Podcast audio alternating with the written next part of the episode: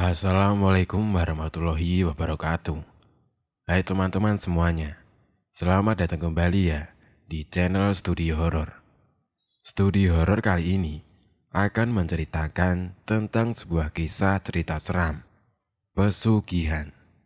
Cerita misteri kali ini bersumber dari Ed Karjan Malang. Lalu bagaimana kengerian dari kisah kali ini? Mari kita simak kisah ini bersama-sama.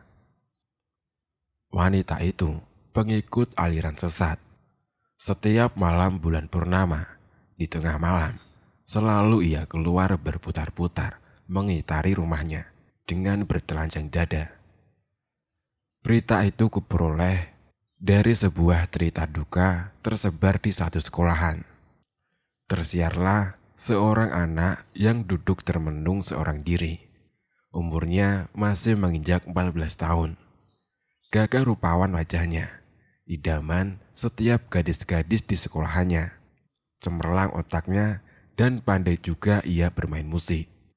Tapi sudah seminggu ini murung tampak mengelayuti cakap wajahnya. Tiada bicara dan tiada bersemangat juga belajarnya. Pandangannya kosong, dan sebentar-sebentar berkaca-kaca matanya.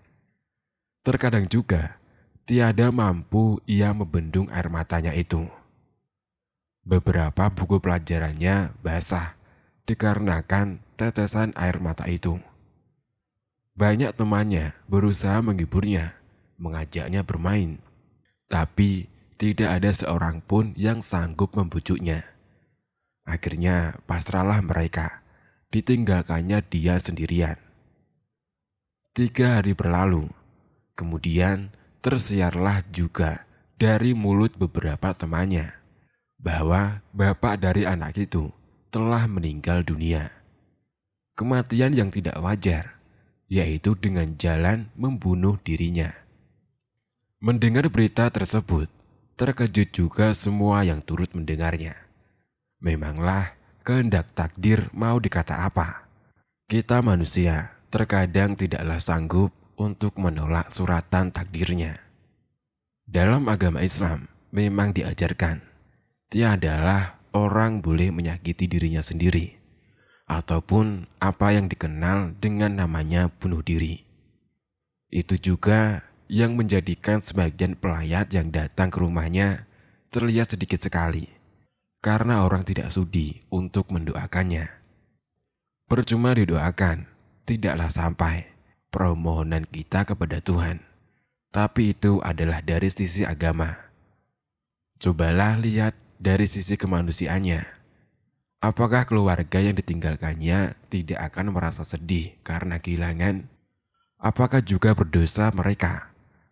Bersalahkah jika luangkan waktu sekedar menemani bareng sejenak untuk meringankan beban penderitaannya. Empat hari setelah kematian ayahnya itu, satu rombongan pelayat tampak datang di depan rumahnya. Terlihat satu orang tamu yang berada di dalam rumah. Mengetahui ada rombongan yang baru datang, dia pun lekas-lekas untuk undur diri.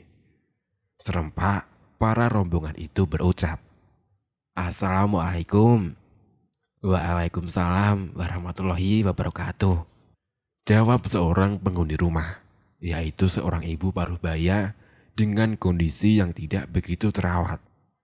Rambutnya sedikit acak-acakan dan pakaiannya juga tidaklah begitu nyaman untuk dipandang. Mari-mari, silakan duduk, tawarnya. Iya bu, terima kasih. Duduklah semua pelayat itu di hamparan karpet yang berwarna biru. Dengan terlihat sedikit debu berterbangan tersorot sinar matahari. Nampak sedikit kotor, mungkin karena yang punya rumah belum sempat untuk membersihkannya. Kami semua turut berduka cita ya bu. Mendengar hal itu, nampak matanya berkaca-kaca dan sedikit sesenggukan menerima para tamunya itu. Dengan segera ia merapikan raut wajahnya yang tampak sedikit berantakan. Mohon maaf bu, sebelumnya. Bagaimana ceritanya? Kok bisa sampai seperti itu loh bu? Salah seorang mencoba memecah kesunyian. Ia pun mencoba menguatkan hatinya. Diingat-ingat kejadiannya lagi. Kemudian berucaplah kata demi kata.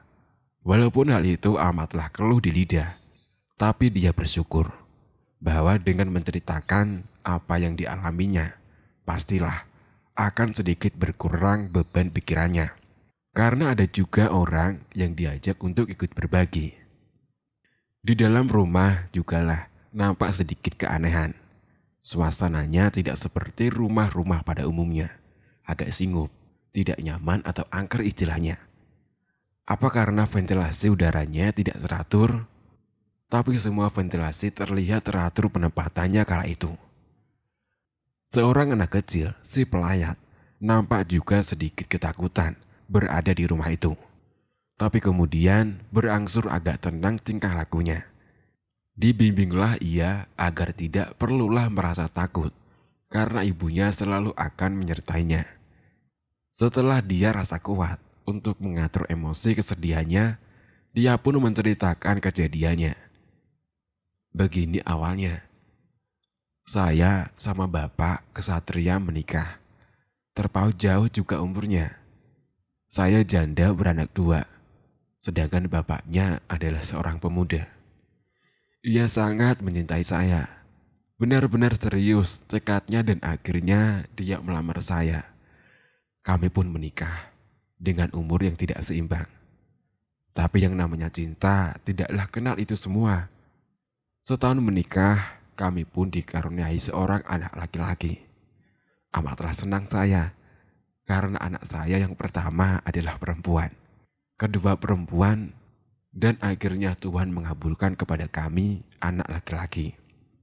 Untuk berucap rasa syukur kepada Tuhan, kami akhirnya mengundang sebuah hiburan pertunjukan wayang kulit sehari semalam suntuk. Dari cerita-cerita pewayangan tersebut, kemudian terbesitlah untuk memberi nama anak kami, Kesatria. Berharap ia bisa menjadi anak laki-laki yang tangguh. Dan karena kami pun sangat mendambakan kehadiran anak laki-laki ya, ya terkabullah kesatria yang ditunggu-tunggu itu telah hadir di antara kami. Saya dan bapaknya kesatria sempat mendirikan usaha grosir sandang pangan. Awal-awalnya sih maju, tapi lama-kelamaan usaha pun ditimpa kebangkrutan dan jatuhlah kemiskinan menimpa keluarga kami. Kehidupan berbalik 180 derajat. Sekeluarga tinggal di rumah kontrakan yang sangat sederhana. Karena tiada mampulah kami menyewa rumah kontrakan yang layak. Akhirnya, karena desakan ekonomi, pergilah saya merantau ke luar negeri untuk menjadi TKW atau tenaga kerja wanita. Diajak salah seorang teman. Di negeri rantau, saya kumpulkan sedikit demi sedikit jerih payah di sana. Dan akhirnya rumah kami yang telah disita bank dapat kami lunasi pembayarannya. Kemudian, saya kembali meneruskan usaha yang dulu pernah kami jalani. Alhamdulillah, kesuksesan pun berpihak kepada kami. Dan saya pun membeli beberapa rumah lagi untuk sengaja saya kontrakan di beberapa tempat. Bapak kesatria lain lagi pemikirannya. Ia berinisiatif untuk mempunyai usaha sendiri, yaitu jual beli kendaraan bermotor second atau bekas. Join dengan temannya. Tapi anehnya, bapaknya kesatria saya kasih modal tiada mau dia terima. Saya sedih. Kenapa saya sebagai istrinya tidak dianggap? Saya ada sedikit uang untuk bersama-sama membangun usaha dia juga tidak mau. Dia nekat untuk meminjam uang keluarga bapaknya sebesar 30 juta untuk usaha tersebut. Masuklah uang itu ke dalam usaha jual beli motor bersama temannya itu. Usaha itu pun berdiri. Ternyata ada saja kendala yang dihadapinya. Temannya menipunya, dibawa larilah uang itu. Hal itulah yang membuat bapaknya kesatria menjadi teramat stres.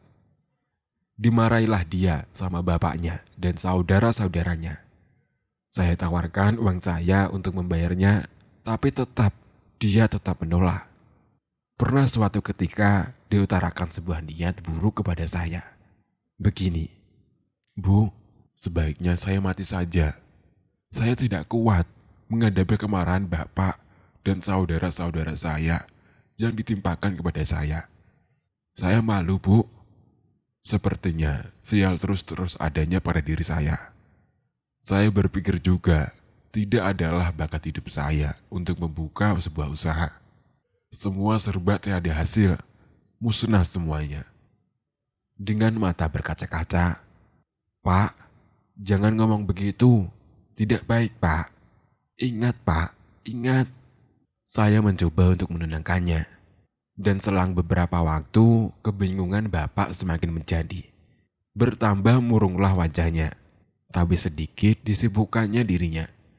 Dia masih mau pergi ke ladang mengolah ladang tebu keluarga bapaknya. Dan suatu ketika, diajaklah kesatria pergi untuk membantu mencabuti ilalang yang tumbuh di sekitaran tanaman tebu. Bersama saya juga ikut ke ladang. Ketika sang surya sedang terik-teriknya berada tepat di atas kepala, saya berpamitan untuk pulang dan tinggallah dia bersama kesatria. Tidak ada firasat apa pun pada saat itu saya pun pulang kembali ke rumah. Selang beberapa waktu, terdengar sebuah teriakan yang sangat keras sekali dari kejauhan. Suara yang benar-benar akrab di telinga saya. Ya, itu adalah suara anakku. Bu, ibu, bapak, bu, bapak. Larilah saya menuju ke sumber suara tersebut dan mendapati Tria sedang memangku bapaknya. Kenapa Tria? Kenapa dengan bapak? Tidak tahu bu. Tiba-tiba bapak jatuh. Pingsan bu. Pak, bapak, bangun pak. Terlihat banyak busa di mulutnya. Melotot matanya seperti menahan kesakitan yang teramat sangat. Terlihat di sampingnya tergeletak sebuah cairan di dalam botol minuman kemasan. Tinggal sisa-sisa cairannya. Habis, sepertinya ditegak semua oleh bapak. Setelah tercium baunya, ternyata cairan itu adalah insektisida. Racun pembasmi serangga yang sengaja dia masukkan ke dalam botol plastik kemasan untuk mengelabui kami. Ya, Bapak telah meminum racun itu. Segeralah saya membawa dia ke rumah sakit. Dengan bantuan pihak rumah sakit, sedikit tertolonglah dia dan dengan suara terputus-putus ia pun berkata, I, i, ibu? Iya pak, jawab saya. Nampak Tria memeluk dada bapaknya. Maafkan aku bu, aku berbuat seperti ini karena aku tidak kuat lagi menerima ini semua. Kasihan Tria pak, kalau ia tiada berbapak. Tiba-tiba mendadak tubuhnya menggigil dingin sekali. Suhu seperti pada lemari es.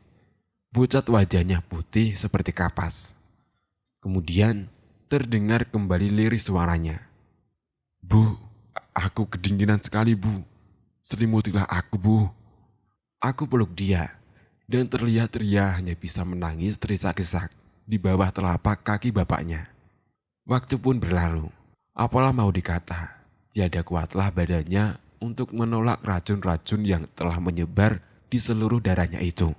Walaupun sudah banyak masuk, penangkal racun ia minum. Darahnya sudah bercampur dengan racun serangga. Dan akhirnya ia pun mengembuskan nafas dalam kesakitan yang teramat sangat itu. Masih dalam pelukanku. Teriakan tangis kesatria tidak terbendung. Suaranya keras sekali, bagai halilintar yang menggelegar. Pilu sekali ceritanya. Laksana trompet malaikat maut sedang berputar-putar di kamar rumah sakit yang terlihat putih seputih wajah bapak. Tidaklah dapat tergambar penderitaannya kala itu. Seperti teriris tubuh ini mendengarnya. Itulah ceritanya. Sekarang tinggallah saya dan tiga anak saya yang akan menjalani hidup ini tanpa ada seorang laki-laki pelindung di dalam keluarga ini. Mendengar penuturannya, semua pelayat turut berduka cita yang teramat sangat mendalam. Nampak juga sebagian pelayat ada yang berkaca-kaca matanya demi ikut merasakan kesedihan yang sedang mengujinya. Kemudian mereka pun undur diri dan berpamitanlah perwakilan dari para pelayat itu. Kami hanya bisa mendoakan semoga arwah Bapak tenang di alam sana. Dan tidaklah lupa, doa anak soleh akan selalu menemaninya di dalam kubur. Tidak lupa, diberikanlah bingkisan sedikit untuk sekedar mengobati duka yang menyelimutinya. Berita-berita miring pun kemudian terdengar sayup-sayup, memberitakan sebuah berita yang selama ini membuat kami menjadi beroleh rasa penasaran. Wanita itu adalah pengikut aliran yang tidak benar. Dikatakanlah, setiap malam bulan purnama, pada pertengahan malam selalu ia keluar. Ia selalu berputar-putar mengitari rumahnya. Maaf, dengan bertelanjang dada. Berita itu kuperoleh dari tetangga-tetangga di kanan kirinya, yang jaraknya memang lumayan agak berjauhan. Dan yang pastinya pernah melihat ritual yang dilakukan wanita itu.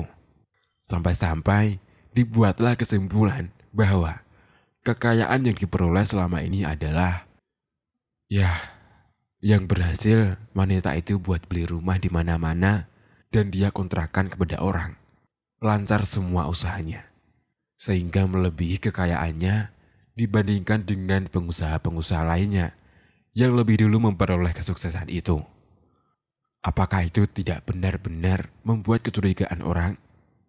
Mereka sebut wanita itu telah memperoleh ilmu pesugihan yang selama ini dijalankannya. Keluarlah sebuah perjanjian antara manusia dengan roh gaib akan kekayaan itu dilakukanlah dengan jalan memberikan persembahan tumbal dari sebuah satu anggota keluarganya. Salah satunya akan tertimpa kematian. Aku tiadalah sedikit pun mempercayai hal tersebut. Suara syak wasangka yang berterbangan di antara mulut-mulut para tetangga yang iri terhadap kekayaan yang diperoleh wanita tersebut. Semua kuserahkan kepada Allah SWT bahwa apa-apa yang dilakukan manusia yang benar dan salah, pastinya semua akan ada hasil untung dan ruginya. Waktu itu di tahun 2012. Begitulah kisah cerita seram pesugihan. Terima kasih teman-teman sudah mendengarkan podcast studio horror ini hingga selesai. Tidak lupa juga saya mengucapkan terima kasih bagi teman-teman yang sudah memberikan support kepada channel Studio Horror ini. Dan jangan lupa untuk like, komen, dan share kisah ini juga ya. Buat teman-teman juga bisa langsung mengunjungi akun Twitter Mas Karjan Malang. Linknya sudah kita letakkan di deskripsi. Terima kasih. Wassalamualaikum warahmatullahi wabarakatuh.